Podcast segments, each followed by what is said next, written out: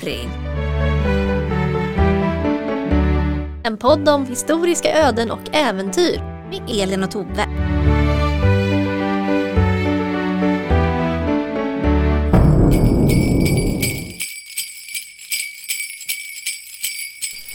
God jul i stugan! God jul Tove! God jul Elin! Här sitter vi och tindrar med ögonen mot en riktigt fin, fluffig Disneygran. Och det är ju nästan ett år sedan vi började med den här podden. Ja, det är det. Den fyller ett. År, den 17 december tror jag. Ja!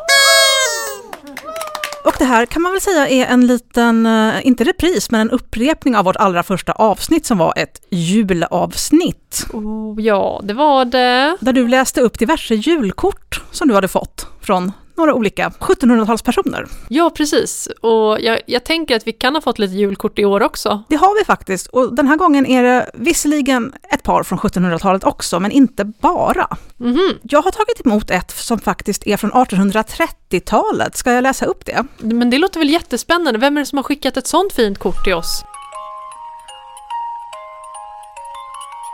Jo, det är en riktig Täbyfarsa. Okej, villa och golden retriever. Jajamän, och skjutsa ungarna till tennisen och barborjacka och allting. Åh ja. Det här är Karl-Henrik Robsam som bor på Gribbylund gård i Täby utanför Stockholm. Okej. Så han är en Täbyfarsa, det, det är han. Karl-Henrik Robsam hör till en släkt vars anfäder invandrade från Tyskland på 1600-talet och blev i olika grenar verksamma framförallt inom järnbruksnäringen. Mhm. Två grenar adlades, men vår huvudperson Karl-Henrik hör inte till en av dem och han är inte heller brukspatron utan försörjer sig och sin familj med jordbruk som alltså är förlagt till gården Gribbylund. Ja. Familjen har också ett hus i Stockholm på Norrmalm som man dels hyr ut bostäder i, men man använder också en våning där som övernattningslägenhet. Det är ju så himla skönt att ha en sån. Det är ju väldigt smidigt, så slipper man åka Roslagsbanan hela vägen ut till Ja Täby. exakt.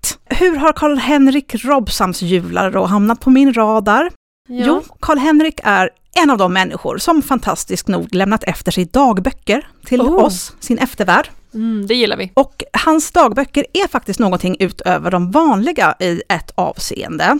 Och de dagböcker som finns bevarade, de är visserligen bara förda över tre år, från 1835 till 1837, Mm. men de gavs 2017 ut på Stockholmiga förlag av Britt Liljevall under titeln Vackra dagboken. Mm. Och det är faktiskt inte för mycket sagt. Karl-Henrik Robsam, han har ett, verkligen ett öga för färg och form. Mm. Och i sin ungdom var han verksam som konstnär och det märks i den här dagboken. Där han utsmyckar sidorna med bläck i olika färger och ibland fyller i med vattenfärger. Den påminner lite om sådana där bullet journals som jag har sett på, på internet som folk som har mycket mer tålamod än jag gör, där man gör liksom listor och dekorerar dem jättefint med färgpennor och grejer. Fast det är en Täbyfarsa på 1800-talet. Ja, Mm. Nej men titta vad fint han har gjort.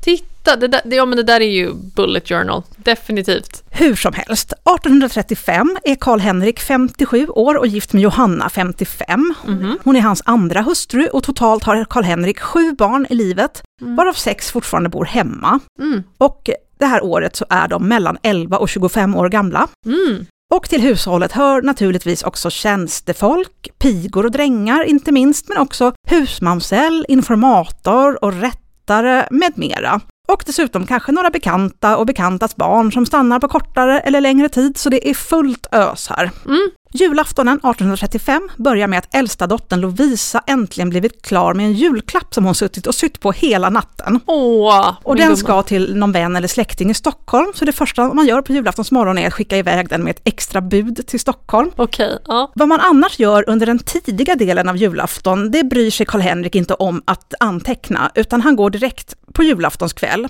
som han beskriver som likformigt med många föregående julaftonskvällar. Men han är ändå generös nog att berätta lite mer för oss vad det Mm. betyder. Kalle Anka. När det börjar skymma så tänder man ju alla ljusen Ja. och så dukar man upp högar med julbröd och pepparkakor åt Mm. de mindre gossarna och någon som heter Malla Vinge. Mm. Och detta gör man i sängkammaren. Okej, så de ska äta mat i, in i... Det är bara julbröd och pepparkakor. Okej. Sen äter man julgröt och bakelser, men det tror jag att man gör i salen, för Karl-Henrik pratar om bordet. Och Mhm. efter att det bordet då har dukats av, så låter man bara själva duken och de tända ljusen stå kvar och inväntar, till stor fröjd för ungdomen, julklappsgubben. Julklappsgubben! Oh, jag vill träffa julklappsgubben. Julklappsgubben kommer och han kommer till dråplig musik som framförs med tratt, mortel och panna. Oh my är buller och bång.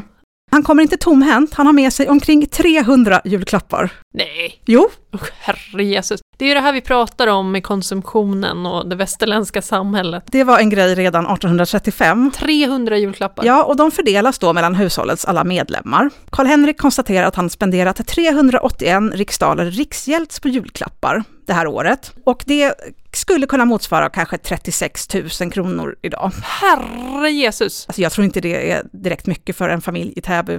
Mina fördomar men i talar sig, här. Det, det är Täby vi pratar om. Nej men, nej, men då är det ganska standard kanske. Jag vet inte. Men den här Täbyfarsan, han får faktiskt också julklappar. Han får ett par hängslen och en påse till portnyckelns förvarade av sina döttrar, rätt väl gjorde. Det är precis det man vill ha. Och först vid midnatt så stiger man upp från bordet. Men då ska man titta på varandras julklappar också, jämföra och titta och, och beundra. Och det gör man så länge och väl att man kommer inte till sängs förrän klockan två på natten. Men Okej. då vore alla muntra. Ja men det är ju bra. På juldagen, äh, då är man bara hemma. Det blir inte ens någon julotta, ingen högmässa. Va? Nej, Vad är det här för okristligt hushåll? Är det? men på annandagen, då är det bal på Enebyberg. Och där Ja. går det muntert och gentilt tillväga.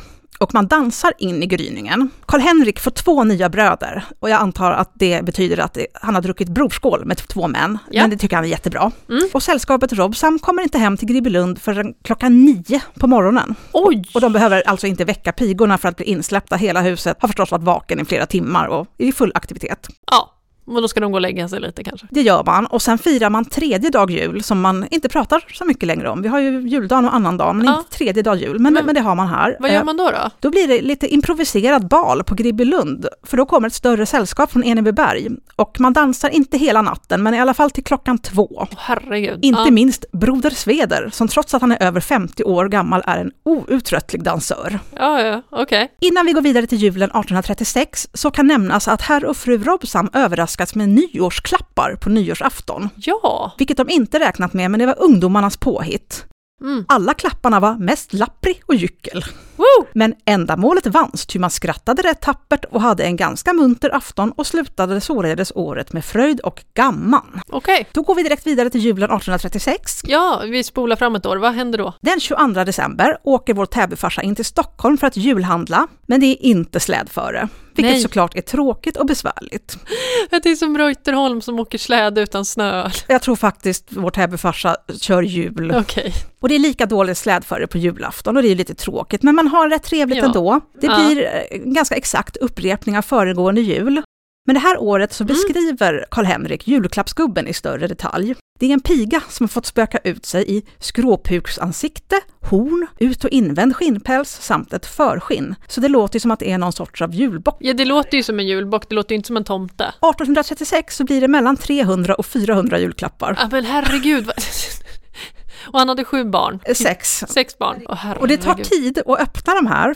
För- Oj, alla ska sitta och titta när de öppnar varenda grej. Karl-Henrik har en regel och det är att ingen får öppna något paket förrän alla julklappar blivit utdelade till dess rätta ägare. Och sen får man sitta och titta på. Dottern Desideria, hon får flest julklappar, vilket Robson förklarar med att hon är fästmö, vilket stämmer. Hon kommer gifta sig nästa år. Ja, Hela 16 år gammal med notarien Frisk på Vigbyholm. okej. Så att hon, eh, hon behöver grejer till sitt äktenskap, det är det eller? Kanske fästmannen också är generös. De yngsta pojkarna Robsam, Knut 14 och Otto 12, får var sin första klocka och blir enligt pappa storögda över en så fin present. Ja, Och pappa minns själv nostalgisk när han fick sin första klocka och tyckte att han blivit kar. ja. Klockan ett går man till sängs och Robsam räknar julklappskostnaden till 392 riksdaler riksgäld, alltså lite mer än året innan. Åh herregud. Ja, men han, har man cash så har man cash. Det. Det här året var mellandagarna inte alls lika livade, så vi hoppar direkt till julen 1837 Ja, Och det är den sista julen i dagboken och eh, det är också Karl-Henrik Robsams sista jul. oj då. Nej men, 13-åriga Otto får redan den 22 december en svarvstol oh, oh, oh. okej. Ja, och pappa förmanar honom om att han får anse den som sin julklapp och inte räkna med någonting annat på julafton. nej men det är väl bra. Ja, Men Härutinnan kommer jag dock troligen ej att så alldeles strikt hålla ord. Nej, vilket okej. också stämmer, för Otto får några svarvjärn på själva julaftonen också. Ja, så att han ska få öppna något paket så inte han Ja. blir ledsen. Och på julaftonen dukar man precis som tidigare upp julbröd och pepparkakor, Nisse och Nasse med mera åt barnen i sängkammaren, trots att de egentligen är lite för stora nu. 13-åriga Otto är ju yngst. Men nu får vi också veta att denna tradition utspelar sig just i sängkammaren, för att det är där barnen föddes en gång i tiden. Nej men vad gulligt! Men det är ju lite Eller konstigt, eller gulligt, eller konstigt, jag vet Men- inte. Men det är ju lite mysigt att de vill, ja men att, att ha det här kvar fast de egentligen är lite för stora. Jag hoppas att de här barnen fortsätter med den här traditionen och om ni kommer från den här familjen, då vill vi veta. Det finns ju fortfarande Robsam, så Ja. jag hoppas att de gör det. Ja. ja, sen blir det gröt och bakelser och så dukar man av och så kommer julgubben igen. Ja! Det här året cirka 300 julklappar. Och Karl-Henrik nämner särskilt en dyna som äldsta dottern Lovisa sytt åt sin svåger och den nygifta 16-åriga systern Desideria. Hon har bett pappa att göra en utanskrift eller etikett till asken som den här presenten är inslaget i. Och det brukar Karl-Henrik med sin konstnärliga ådra tydligen göra åt, åt vänner och eh, släktingar. Ja. Fina julklappsetiketter. Och eftersom Lovisa broderat en vagga med en liten bebis i på dynan så skrev pappa till husbonden och matmoden på Vigbyholm, belöning för deras gemensamma flit. Han är en sån här pinsam pappa. Ja, det, det är ganska pinsamt. Ja. Så, så jag utgår från att de väntar på en bebis? Eller? Ja. ja. Där nästa år, 1838, så kommer pappa Karl-Henrik faktiskt precis hinna bli morfar. Okej. Så vi kan väl unna honom att vara lite pinsam. Ja, man kanske är jätte, kanske är hans första barnbarn. Det är det tror Ja, jag. ja, Då, då, och jäklar vad han har skrytit i hela den socknen om det här. Julklapparna kostade bara 274 riksdaler Mm. riksgäld, den här Karl-Henriks sista jul, som också har usel slädföre. Mm. Han minns sina ungdomsdagar i Värmland och man minns han aldrig behövde nyttja juldon på jul. Ty då hade man snö högre än gärdsgårdarna. Ja, som det, som det brukar vara när alla ska minnas förr i tiden och så kollar man på någon statistik och säger att nej men du, den här julen var ju den varmaste någonsin uppmätt. Ja, ja, ja, det är Ja. bara falska minnen. på annandagen, då går man på bröllop och bal. Karl-Henrik dansar lite av en polska med bruden, men annars håller han och andra karar som inte längre dansar mest till för sig själva med kortspel, lite röka, supande och Bellman. En av gästerna kan nästan alla Bellmans sånger utan till och Nej. han sjunger dem mer än gärna till stort och allmänt nöje. Säkert, ja. Karl-Henrik erkänner att han dricker rätt tappert, men han är inte så full att han raglar eller faller omkull, vilket dock är fallet med vissa andra gäster på Okej. den här festen. Ja. Och det är full dager när man kommer hem till Gribbylund igen. Nu blir det lite sorgligt här, men kanske kände Karl-Henrik på sig att han inte skulle uppleva ett helt år till. Ah, För hans noteringar i dagboken blir ovanligt personliga och reflekterande på nyårsaftonen 1837. Okej. Nu är det icke många timmar kvar på detta året 1837. På sista dagen av många, många förflutna år har jag alltid undrat om jag skulle komma att överleva ett till. Kanske det är nu sista gången som jag undrar härpå. Vilket det ju också var. Men gud, Karl-Henrik, nej! Sen filosoferar han lite kring frågan huruvida det kommer en fortsättning, ett liv efter döden, vilket alltså inte verkar ha varit en självklarhet för honom. Han konstaterar att det oavsett borde vara bättre att dö än att leva och att man alltså inte ska frukta döden. Och han avslutar 1837 med orden Allting är av ödet bestämt, alltså även dödsminuten. Döden må komma upp på vad sätt som helst och följer någon fortsättning sedan så bör den bliva bra. Och om ingen sådan äger rum så blir det också bra. Ty då allting är bestämt, troligen miljoner år före Adams tid, så går allting så som det bestämdes att gå och som det alltså inte kunde göra annorlunda, så är allting bra. Amen för 1837. Åh, Karl-Henrik Robsam dog på sitt Gribbelund den 2 augusti 1838, 60 år gammal. men Karl-Henrik. Det här var ju jättedeppigt, Elin. Ja, det blev lite deppigare än jag hade tänkt mig faktiskt. Det var så muntert och så blev det lite... Har du något festligare julkort kanske? Ja, jag har, jag har, jag har ett festligare julkort att, att bjuda på för nu... Jag tänker att vi får försöka bräcka varandra i festligheter här nu. Ja, men nu ska det bli muntert. Jag har nämligen också fått ett julkort. Ja! Jaha, det här är ett julkort från ett gäng värmlänningar som vill berätta om när de firar Lucia. Ja!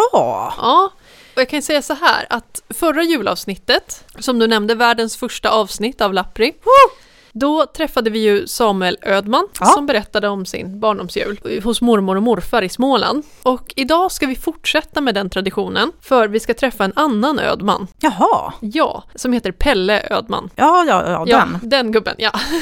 och gissningsvis inte släkt med Samuel, men jag vet inte. Så det är tradition att en Ödman måste uttala sig i ett julavsnitt. Ja, det här får vi följa upp. Ja, det kan bli jättestressigt. Mm. Ehm, Och krystat. ja, så det kanske är den sista gången den här traditionen också. Det kanske bara behövs upprepas två gånger, jag vet inte. Du, vad har du fått från Pelle? Ja, vad jag har fått från Pelle.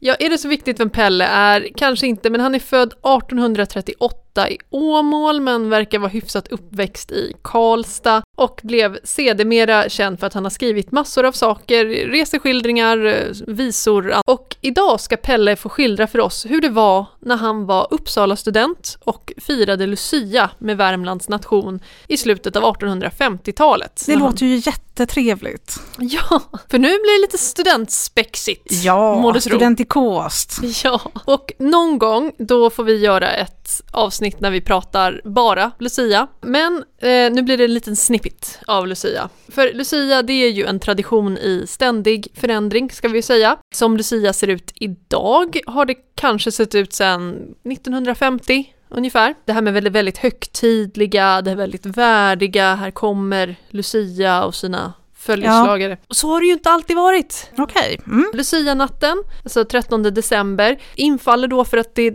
traditionellt sett så var det här det katolska helgonet Lucias dag, eller hennes natt då. Så att det är liksom en tradition som har hängt med i sen innan reformationen. Mm. Men det sammanföll också i den gamla kalendern med årets längsta natt. Och i folklig tradition så var det här en ganska farlig natt med många väsen som var ute och spökade. Så på många håll hölls det olika fester. Och kikar vi på västra Sverige, där vi också hittar Värmland, så verkar det ha varit ganska mycket upptåg kring Lucia, ganska mycket marknader kring Lucia, men också upptåg och spex. Mm. Eh, sådär. Men då tänker jag att man ska tänka mer trick and treat, att man går runt mellan gårdar och busar och skojar Och lite. jäklas med varandra. Ja, men, ah, lite mer så. Och när det är då ett gäng unga män från västra Sverige, i det här fallet Värmland, som har samlats i studentsammanhang, så var det ju naturligt att Lucia-firandet, det följde ju med. ja. Men kanske i lite omstöpt form, kanske i lite specifik studentform också. För är det inte studentigt, det blir ju inte, det, man kan ju inte vara, det kan ju inte vara studentigt om det inte också är lite tokroligt. Nej. Nej. Så, vad vill Pelle berätta om Lucia-firandet i 1850-talets Uppsala, studentstaden? Låt höra. Det första han är noga med att påpeka är att Lucia-firandet börjar senare än vad det gjorde hemma. För att det börjar runt klockan sex eller sju på morgonen, det är alltså senare. Ja, okej. Ja, oj. Och eh, då ska man samlas i nationshuset för det ska bli Mm. stor frukost. Och eh, klockan sju på morgonen, då ska alla tåga ut för att då ska man hämta nationens inspektor. Och eh, det här är för då lyssnare som inte hänger i studentnationssammanhang, nationens överhuvud och ganska ofta är det alltid en lärare och väldigt ofta är det en professor också. Ja. Så den personen ska man hämta. Och, eh, han är ju förhoppningsvis medveten om att det här ska hända nu. Okej. I detta fall, så, som den professorn som Pelle minns, han hette Sigurd Ribbing. Men det är så här, man måste ju ha Lucia också. Ja. Ja, men 1850-talets universitet, det är ju ganska strikt manliga miljöer, kan vi Jo. ju kanske säga. Ja. Men det gör ingenting, för Lucia-traditionen har alltid varit full av drag och crossdressing. Så när någon berättar om hur tokigt det var när killarna i, någon av killarna i klassen blev vald till Lucia, så är det en tradition med väldigt gamla rötter. Mm. Vem får då vara värmlänningarnas Lucia? Jo, detta är alltid en nykommen student och givetvis citat den vackraste, Ja, men det är klart. den snyggaste pojken. Ja. Han får vara det. Ja. Och Lucia, hon ska vara klädd i en vit klänning med guldbälte och citat allehanda kedjor hängande på bröstet. Alla andra kedjor. Ja. Ja.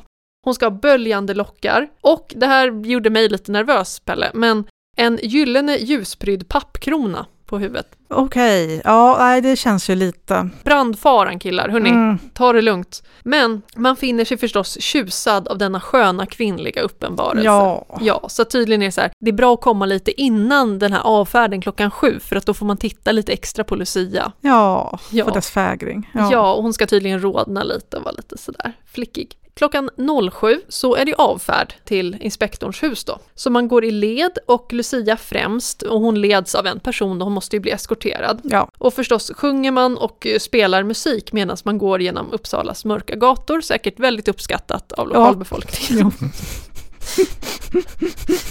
Och eh, efter ett tag kommer man hem till Sigurd Ribbing, professor i teoretisk filosofi. Och eh, först när man kommer hem till honom, då ska man tända ljusen i den här pappkronan då, på, som Lucia har. Och sen ska man in i hans hus, han har ett ganska stort hus. Och sen in i salen på huset, där professor och hans fru tar emot då. Men han ser lite trött ut. Men Ja. han, han är ändå med. Han hade ändå låst upp dörrarna så han visste ju att de skulle komma. Han kanske har varit med förr. Jag, jag tror det, han Ja. vet ungefär vad som händer. Men man är så många att alla får ju inte plats i det här rummet. Eh, Okej. citat, flertalet trängdes i förstugan och de många trapporna där de vore nästan fastkilade till en kompakt massa. Oj. Med den här pappkronan. Ja, Brandfaran killar, återigen, ta det lugnt. Och jag vill som sagt påpeka att Lucia har en krona av papp med brinnande ljus i huvudet. Ah, ja. Men Pelle han humblebraggar lite om att han är tenor och därför fick han alltid komma in i salen. okej. Ja, ja. så han visste hur det såg ut. Och väl där inne, då bjuder Lucia professor på ett glas konjak och sen sjungs det så att det dånar i salen. Måste uppskattas av grannarna. Ja, grattis Sigurds grannar! Ja, Och sedan måste eh, Lucia bjuda professorn med blyga jungfruliga ordalag att följa med till frukosten. ja. Och sen så tågar man tillbaka, men på vägen måste man hämta tre, fyra andra professorer också som ska med, men de är inte lika viktiga, men de ska hämtas på samma sätt. Oj, okej. Så att det här är Det tar sin tid. Ja, det här Lucia-tåget, det är... Och sen är det fullt med bara en massa minnen, för han skrev det här på ålderns höst då, så han, eh, det är massa minnen om den här friska morgonluften och den tjuva studenttiden. Ja. Men nu är vi tillbaka på nationen. Ja. Ja, och nu ska det supas Ja, det är klart det ska. med professorerna och eh, inspektor och Lucia sitter på hedersplatserna vid bordet. Frukost i äkta lussestil, vad serveras i äkta lussestil? Jo, det är revbensspjäll, Mm. skinka, fläskkorv, fläsk i alla former, Julen är grisens högtid. lite så, mumma och glögg. Och eh, nu kommer ett citat. Stämningen, redan hög från början och det är den ju alltid hos värmlänningar. Så om du lyssnar på det här och om du kommer från Värmland, då kan du gärna kontakta oss och bekräfta eller förneka om det här påståendet stämmer. Och eh, alla professorer tävlar om att vara artiga mot Lucia. Och hon ska fnissa och rodna, så det är väldigt mycket med att hon ska vara kvinnlig. Och förstås droppas det stearin överallt för den här kronan är tänd. Ja. När de sitter och super. Ja. Pappkronan! Har Lucia sitt riktiga hår eller är det någon peruk som också kan börja brinna lite? Jag vet inte, jag, jag tror att hon har sitt, sitt riktiga hår. Ja. Och eh, när man väl reser sig från den här brakfrukosten, då är det redan ljust ute. Men då kommer bålen fram, Mm. så då blir alla ännu fullare. Ja. Och nu kommer återigen ett citat som man kan uttala sig om om man kommer från Värmland. De översvallande känslorna började småningom allt mer söka sig uttryck i dessa högljudda explosiva glädjeskrin som värmlänningarna på min tid vore och kände för. Möjligen är det på samma sätt än. ja, det tror jag. Ja. Ja. om du kommer från Värmland, väg gärna in. Ja. Men när man har svinat runt där och eh, skrikit sina explosiva glädjeskrin, då är det dags för hela sällskapet att bryta upp, för då ska man gå över till Göteborgs nation och det är ju liksom lite mer sydvästra Ja. Sverige, ja, sydvästra Sverige samlas där. Har de också Lucia-firande? Precis. Ja! Ja, Blir det Battle of Lucias nu? det är det. Ja! Det är det. Där firar man också Lucia. Och Pelle vill säga då att eh, de och eh, Göteborgs nation, det är de som firar Lucia för citat, ty smålänningarna som någon gång hade ett obetydligare firande kan knappast räknas. Dissa Småland Ja, liksom, ingen- alltså dryg. Bara så att ni vet, Småland var dålig, han det är någonting. Nu är det precis som du säger, Battle of Lucia. Luciorna ska träffas och de ska kyssa varandra på fruntimmers sätt. Okej. Mm, I kissed a girl, not like that. Och eh, det här om man lyssnar om man kommer från Göteborgstrakten, då kan man, västkusten, då kan man väga in om det här. För Pelle vill påpeka att tyvärr så gjorde värmlänningarna vanligtvis den bittra upptäckten att göteborgarna hade en snyggare Lucia som var mer smakfullt och dyrbart klädd. Oj då. Och han säger att det beror på att studenterna från Göteborgs nation helt enkelt var snyggare Okej. Men också att de kanske var lite rikare så att de kanske kunde köpa mer dyra grejer till Lucia. Ja, men kan inte de värmländska brukspatronerna skjuta till det Ja, här men jag då? Vad är det? här? det. Skicka inga fulingar till Uppsala, skicka era snygga karlar. Ja, eller hur? Ni får ju prestera. Ja, Ni får ju represent. Återigen, kommer du från de berörda landsändarna, väg in. ja, vi vill ha kommentarer i kommentarsfältet på Instagram och vi vill gärna att ni bråkar med varandra för det är så kul. Ja, bråka! Bland olika kända lucior som eh, Pelle fortfarande kommer ihåg är eh, Karl Wik, som tydligen är någon slags grosshandlare från Göteborg, känner inte till. Per Adolf Geijer, sedermera professor i franska. Och eh, jag har hittat några till av de här gubbarna på bild och jag planerar att lägga upp bilder på de här gubbarna på vår Ja, Instagram. men det är klart du ska. Ja, men så kan lyssnarna rösta vilken är den finaste lucian. Men den allra vackraste lucian var enligt Pelle Dr. Anton Nyström. En komplett skönhet, förtjusande och flera av de unga värmlänningarna lär ha förälskat sig i honom för dagen och djupt beklagat att han ej var verklig. Så uppenbarligen finns det någon form av, kanske lite queert element i den här könsleken med könsroller. Ja, ändå. men det får vi väl säga. Och efter det här, då går man tillbaka till Värmlands nation, men sen kommer göteborgarna dit och så gör man samma sak igen. Okej, så det blir inte så himla mycket pluggar den här dagen. Nej, nej, nej. Och efter att göteborgarna varit där, då låter Pelle oss veta att de förståndiga personerna efter det här går hem och äter middag och sover. Men många blev kvar. Såklart. Och eh, Pelle vill inte skriva och beskriva vad som hände efter det, men han nämner Bu. Ja, han nämner ordet orgy, men då tänker jag att det är en sup-orgy och eh, inte någon annan form av orgy. Det blir tydligen ganska mycket svineri och eh, tydligen brukar Lucia tappa sin kvinnliga fägring efter ett tag och börja svina och skrika hon med. Och en gång var Lucia så full att man fick leda hem henne. Och där tänker jag att vi lämnar Pelle och hans vänner på Värmlands nation i Uppsala. Vad jag vet så har de fortfarande någon typ av stort, stort Lucia-firande där. Men nu är det faktiskt så här att, eh, visste du det här Elin, att det är inte bara män som får plugga i Uppsala längre. Nej, jag har hört det. Också kvinnor får vara där. Så att nu är den här traditionen lite omstöpt. Okej, ja. Mm. Undrar vad Pelle skulle tycka om det. Men jag tänker att eh, när jag ändå sitter här med min hög julkort så kan jag dra ett till. Jättegärna. Var kommer det ifrån? Det kommer faktiskt från kungafamiljen. Oj! Och det kommer från Lovisa Ulrika och Adolf Fredrik. Betyder det att vi är i... Frihetstiden. Nu är vi på 1760-talet och självaste kungafamiljen har skickat oss en liten hälsning. Det var väldigt stiligt av dem. Men de kommer inte hälsa om jul. Nej, de kommer hälsa från sitt nyår. Ja, nej men det är nyårskort. Det kan man få. Och jag kan erkänna direkt just nu, jag tycker att nyår är ganska stressigt. Jag tycker samma sak om midsommar egentligen, att det är en sån där högtid, det är så mycket press på att det ska vara bra och det ska vara mycket och det ska vara fantastiskt. Alla ska lägga upp bilder på sociala medier, så det, blir, det är väldigt mycket social press tycker jag kopplad till just nyår och midsommar. Mm. Och det kan jag tycka är lite jobbigt. Ja, men så, så kan man känna. Och sen så ska alla skryta om hur fantastiskt det var att man är bakfull nästa dag och sådär. Ja men du vet, det är källa till stress. Det vet jag att det är många som känner, men jag tänkte att vi kan säga det här också, att ja, så är det, det är så det är. Det är inte alla som har de här perfekta nyåren. Bara för det så ska jag ändå dela med mig om den svenska kungafamiljens eh, perfekta nyår från 1760-talet. Okej, så sätta ribban där någonstans. Ja, men det tänkte jag. Så att det som händer på det här kalaset, alltså jag vet inte, men det här kanske är första gången vi får flagga po- podden för adult content. Okej.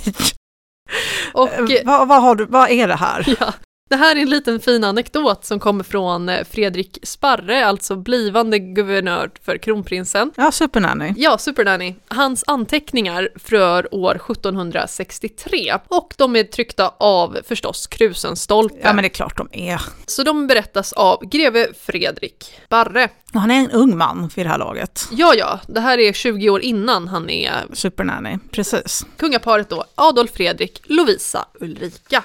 När han berättar det här så har Fredrik Sparre och hans fru, Brita Kristina Sparre, inte haft någon rolig december alls. Okej, vad har hänt? Mycket har handlat om att de flera gånger har blivit inbjudna till olika tillställningar vid hovet, men de har bemötts ganska dåligt av kungafamiljen. Okej. Det har varit fester där alla haft jättetrevligt, men det har inte varit kul alls för dem. Vadå, så de bjuder in dem och sen är de Ja, men de- otrevliga mot dem? Ja, men de har mobbar dem, låter bli att hälsa. Men vad är det här för stil? Så jag tror att det är Lovisa Ja, det är Ulrika. klart det är. Adolf Fredrik mobbar inte folk. Nej. Lovisa Ulrika vill söndra och härska liksom.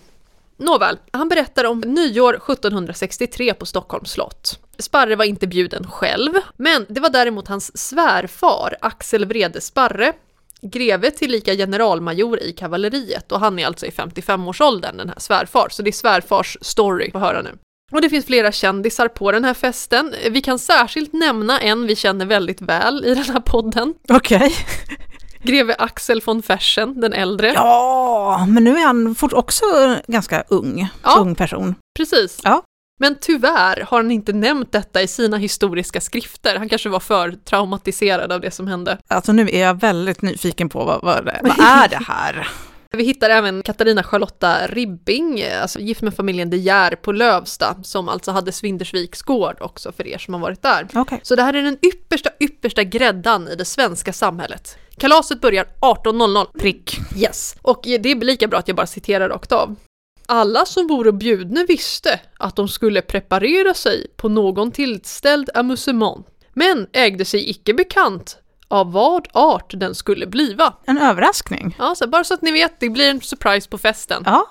Surprisen blev och desto större när aftonen öppnades på följande sätt. Sedan alla som tillsagde blivit för, voro församlade. I drottningens matsal hade några docksaksbodar, alltså leksaksstånd, försäljningsstånd, Ja. ut ur marknaden blivit uppflyttade. Vad, vadå, de hade tagit dem typ från Stortorget upp Ja. i... Oj, men herregud. Alltså. Dit gick var och en samt de kunglige själva och köpte sig var och en för sina penningar allehanda dock och leksaker som barn plägar få till julegåvor. Okej, såsom trummor, trähästar, skalmejor etc.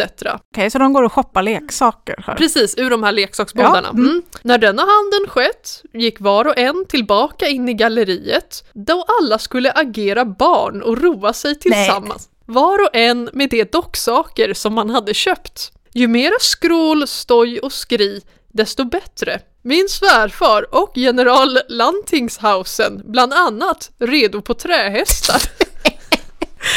Men, okej. och blåste på skalmejor.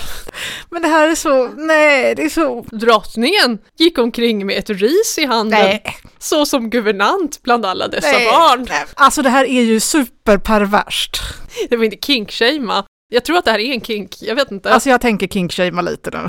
det här klappdäckadens fast på 1700-talet. Hon tvingar ju på alla sin kink här och det är inte okej. Nej, eller sitta på trähästen när hon kommer med riset. Nej men det här är ju bedrövligt.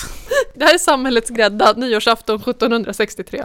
Jag, jag läser vidare. Jag mår inte bra. När detta räckt en stund inkallades några fioler, vilka spelade alla skulle dansa, polskor, menuetter, huller om bullar, utan rang eller ceremoni. Och när alla härvid hade hunnit få sitt lystmäte dukades i samma rum fyra små bord för åtta kuvert vardera och supén serverades. Och så skulle alla försöka glömma att de nyss hade varit med i Lovisa Ulrikas kinky ageplay-grej. Åh fy fan. Ja. Ja, då ska man äta middag. Och eh, tydligen var det väldigt trevligt, speciellt vid Adolf Fredriks bord. Och han och grevinnan Brahe som var tydligen där, de sitter och skojar ganska mycket och leker en lek som heter pricka fot. Vad är det då? Jag vet inte, de specificerar inte det, bara Nej, att okej. de leker en lek som heter pricka fot. Grevinnan Brahe är ganska rolig för att eh, det är någon, hon gissningsvis hon själv som har spilt vatten och vin under sin stol och som Adolf Fredrik påpekar och då, försvar, då kan hon försvara sig roligt genom att säga att hon kan bara försvara sig om drottningen inte är närvarande. Okej. Jag vill inte veta, Nej, men tydligen var det väldigt roligt. Okej. Du kanske var tvungen att vara där. Ja. Och när klockan slår tolv så skålar man för kungligheterna och önskar dem ett gott nytt år och sedan skiljs man åt. Nu kommer det värsta. Okej. Och du vet alla de här leksakerna ja. som man ja, har haft kul med. Ja. Ja. De skänks till Badan. Och Badan som vi gissningsvis kommer återvända till i framtiden, det är alltså en, en, en liten pojke som är född som slav i det danska Västindien och som skänktes till det svenska kungaparet via en dansk. Och han är ungefär 13 år gammal vid det här tillfället. Men han får alltså de här leksakerna som har, Används. ja, god jul till honom. Ja. Det, det ger en extra dimension i det här, att Ja. det är han som får ta emot det här. Men han tycks ju ha växt upp till en normal fungerande människa ändå, På trots, något sätt. på något sätt, trots Ja. den här incidenten. Ja, med den nyårshälsningen så tänker jag att det, det blir inte bättre än så här, men det blir kanske inte sämre heller. Nej, jag tror inte vi kan toppa det här.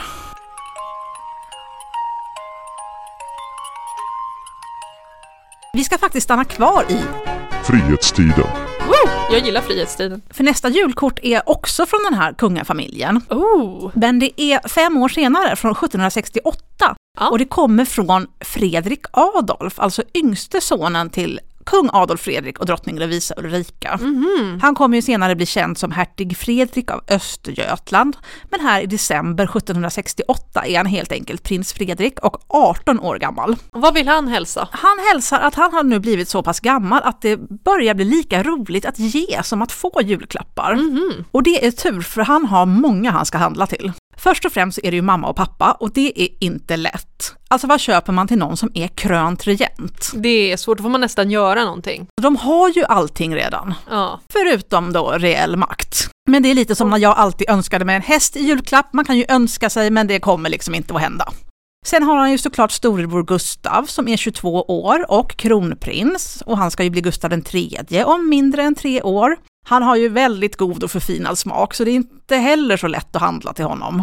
Det är mycket lättare med storebrorsan Karl, 20.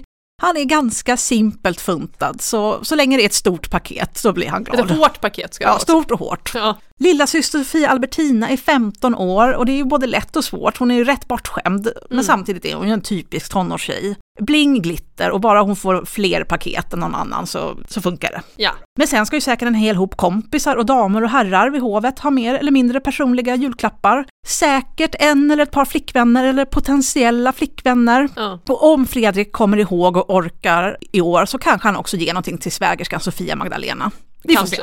Kanske. Hur som helst så är det ju mycket att handla för vår unge förste. Jag tänker att han går med shoppingkassar liksom. Ja, ja, ja, ja, ja, Ja. För han har hittat det ultimata varuhuset för i stort sett alla julklappsbehov. Oh. Nu är det ju inte ett varuhus, vad vi menar med varuhus idag, men det är verkligen en veritabel skattkammare, fylld med allt vad man kan tänka sig och mer. Jag talar naturligtvis om herr Josef Schürers bod i Storkyrkobrinken. Okej, herr Josef Schürers bord. Hett tips alltså till, för julhandeln. Och det är ju bara ett stenkast från slottet. Perfekt. Och herr Schürer, ja, han har verkligen allt vad en ung prins kan önska, både för egen del men också för att ge bort. Och det bästa Tove, Ja, det är att herr Schürer lämnar mycket god och stor kredit. perfekt. Och då behöver han ju inte ens betala för grejerna. Han kan inte tro sina ögon och öron, här kan man ju behandla hur mycket man vill Så pappa kommer få den här räkningen. utan att betalas. Här ska handlas. Okej. Fredrik börjar försiktigt redan den 2 december, men då handlar han bara tre ordinära solfjädrar. Okej. De kostar per styck 30 daler kopparmynt. Och hur mycket kan det vara då? Ja, i en bok som jag inte minns namnet på just nu Ah. så står det att en famn björkved kostade 25 daler kopparmynt vid ungefär samma tidpunkt. Och Oh. ett lamm 15. Okej, och de här kostar 30 per styck. Okej, ja. Jag ska välja lamm som jämförelseenhet för hela den här julhandeln. Så Ja. Fredriks tre ordinära solfjädrar motsvarar alltså sex lamm.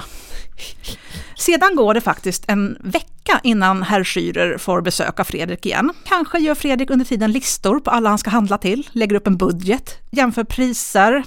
Eller så glömde han kanske bara bort alltihop. ja. Jag tänker att Karl får kryssa i en sån här BR-katalog. Det dröjer faktiskt till Lucia, alltså den 13 december, när det plötsligt slår honom att det är bara 11 dagar kvar till julafton. Oh no! Stressen! Så efter morgonchokladen med sockerbröd så bär det raka vägen ner till Storkyrkobrinken och herr Schürer och han är mer än redo att ta emot. Vad får det lov att vara, Ers kungliga höghet? Kanske sex dosor med bonbon?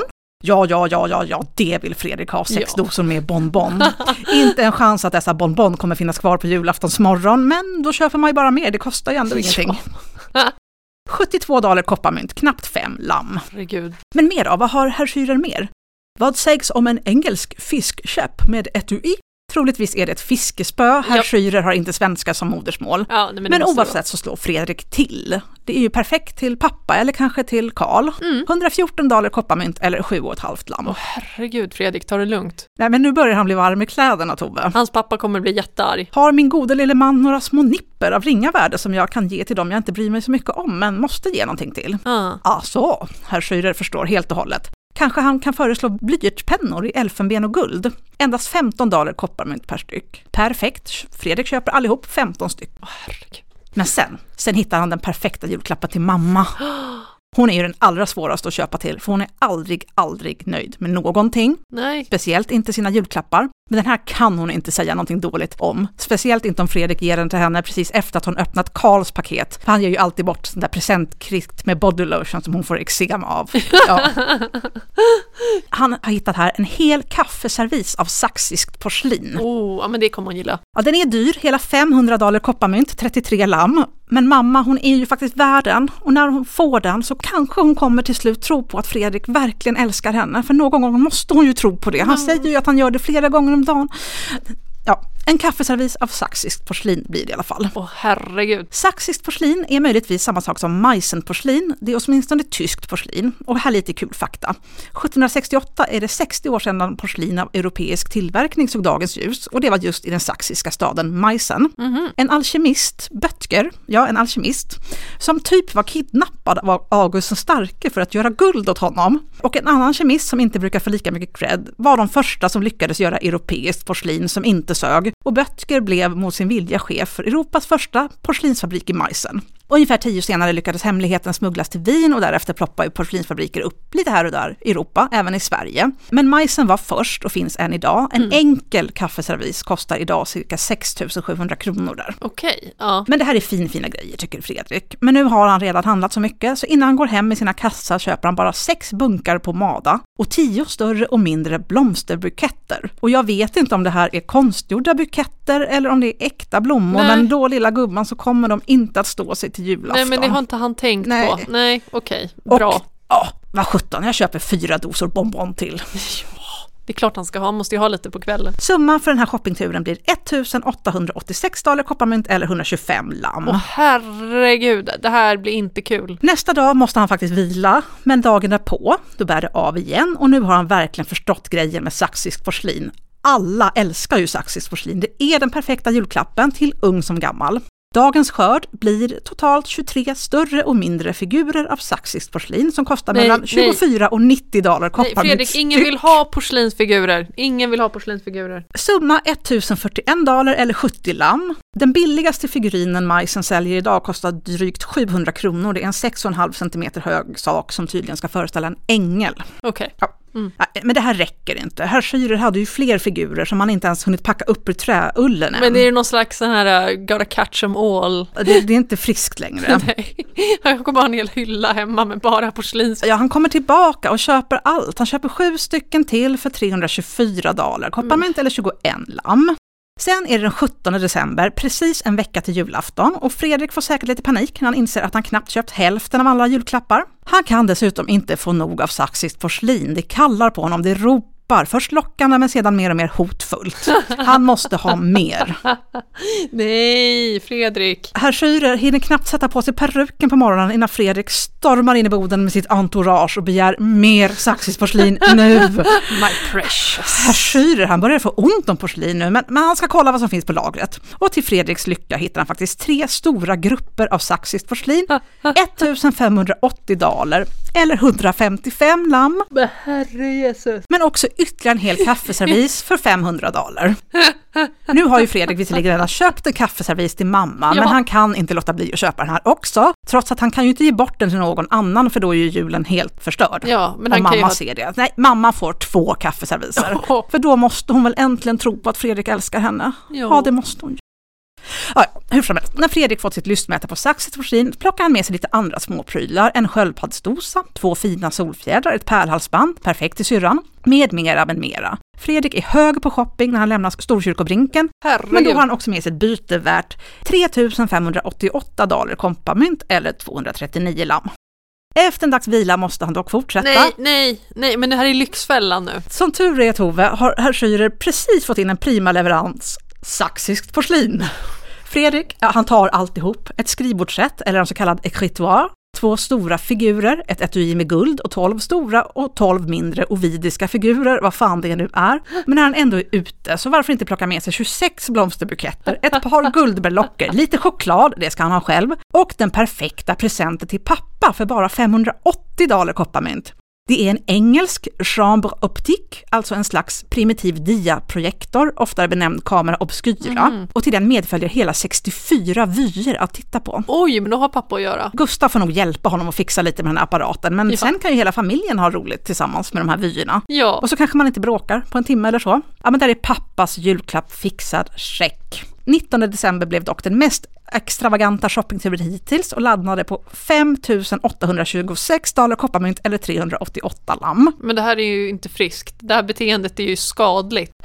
Ja, men det hindrar inte att det fram till julafton blir dagliga besök till herr Schürer och men till och med på själva julaftonen. Nej men herregud. Ja. Herr Schürer, han lyckas hitta ytterligare några riktigt fina pjäser saxiskt porslin till vår prins, 12 par kaffekoppar och lika många chokladkoppar, ytterligare en ekvitoar, en stor figur till häst, två elefanter, fyra pomadaburkar, två tvålbunkar, en servis till, två flaskor infattade i guld och två stora tvålaskar. Alltså jag är helt mållös. Det här kommer bli så jobbigt. Förutom det så köper han också bland annat en extra fin solfjäder av pärlemor och guld, värd 20 lamm, två kompletta engelska rakfoder som jag tror kanske är någon slags etui med rakdon, några grafiska blad, en tablett av pärlemor, vad det nu är, ytterligare ett fiskespö, 25 italienska buketter och till sist på självaste julafton köper han 26 diverse blomsterägretter som jag gissar är små buketter som man kan fästa på kanske sin dräkt eller i, i håret. Fredrik. Och eftersom han är givmild, men vid 18 års ålder redan djupt, djupt skuldsatt, så tänker han säkert dela ut dem till alla som han ska fira jul med, föreställer jag mig. Mm.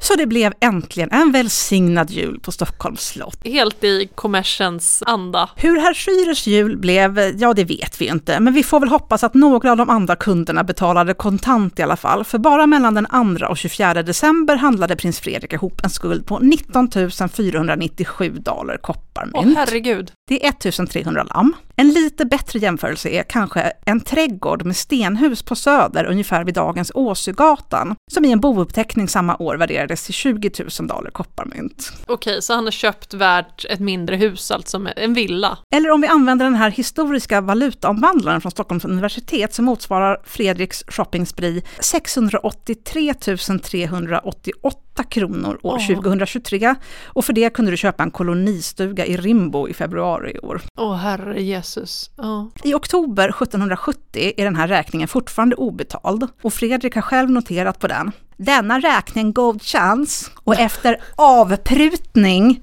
ska den betalas av min sekreterare vid slutet av nästa år och framgent så fort det jag göra låter. Vilket inte låter särskilt hoppingivande för stackars herr Schürer. Ja. Men han måste varit nöjd med sin kungliga kund för han låter Fredrik fortsätta öka på skulden som 1772 hamnat på över 70 000 dollar kopparmynt. Åh, och när Schürer dör 1785 har Fredrik både gamla och nya skulder upptagna i bouppteckningen som om vi törs lita på valutaomvandlaren motsvarar över 400 000 kronor i dagens pengavärde. Karl var dock skyldig mer. Han hade också hittat dit. Handla ekonomiskt ansvarsfullt i jul. Gör det verkligen. Julen handlar inte bara om kommers.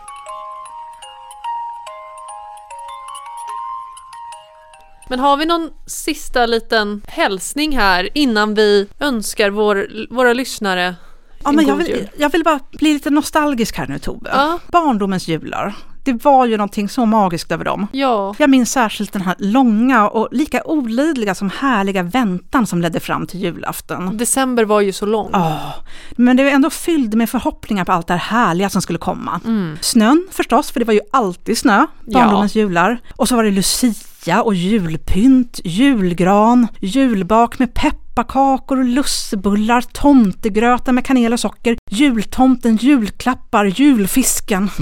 Nej, julfisken. Och då hade inte ni julfisken? Nej, vi har faktiskt inte julfisken i, i mitt hushåll. Va, va, vad pratar du om? Ja, Okej, alltså nu när jag tänker efter så hade vi inte heller julfisken.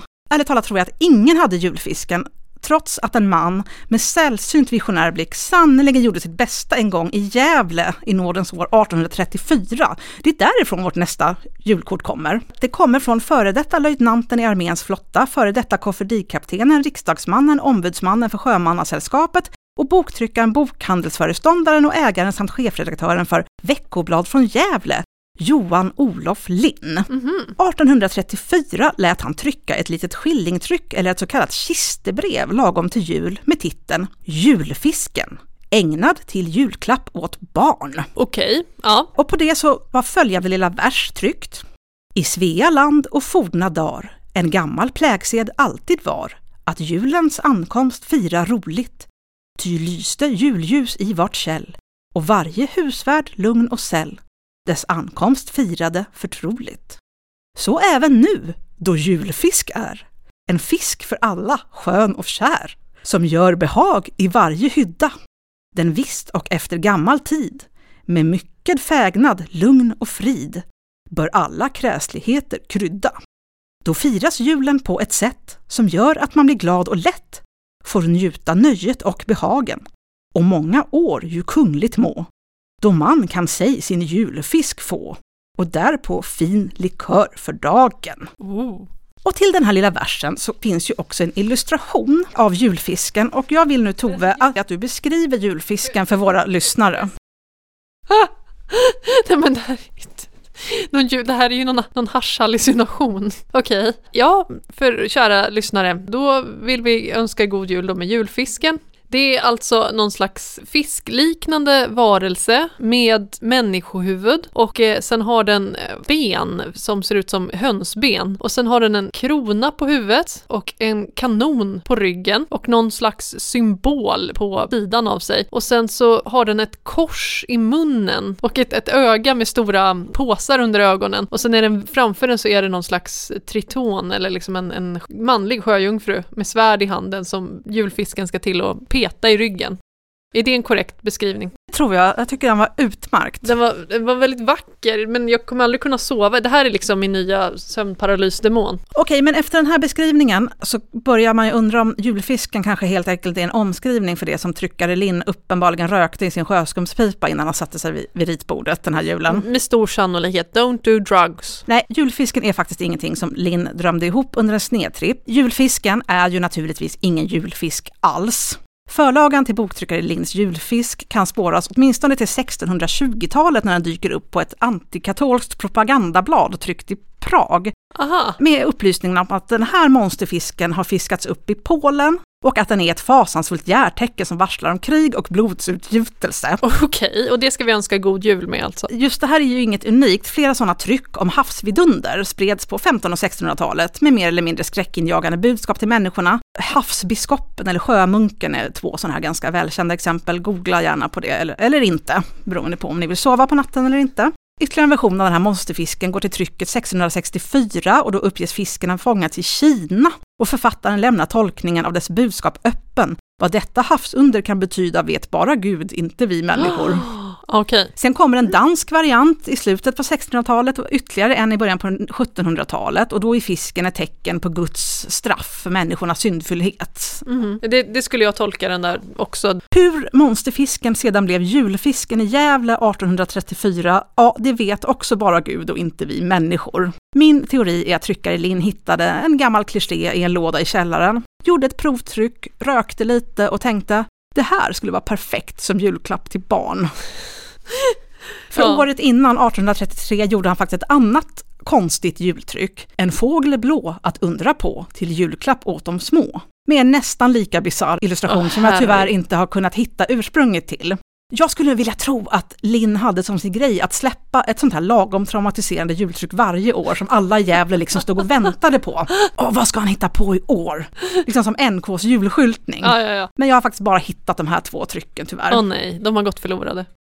Men med det sagt så skulle jag vilja önska alla en riktigt god julfisk. Ja men verkligen, riktigt god julfisk. Tusen tack för att just du har lyssnat på Lappri. Och gott nytt år! Gott nytt år och ät inte den gula snön.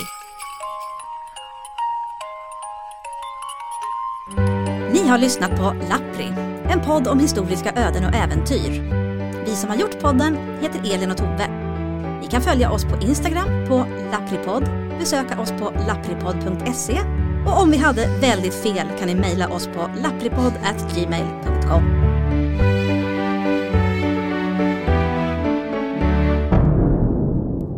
Känner du igen dig i den här? Brukar du ha god stämning? Nej, det är alltid skitdålig stämning.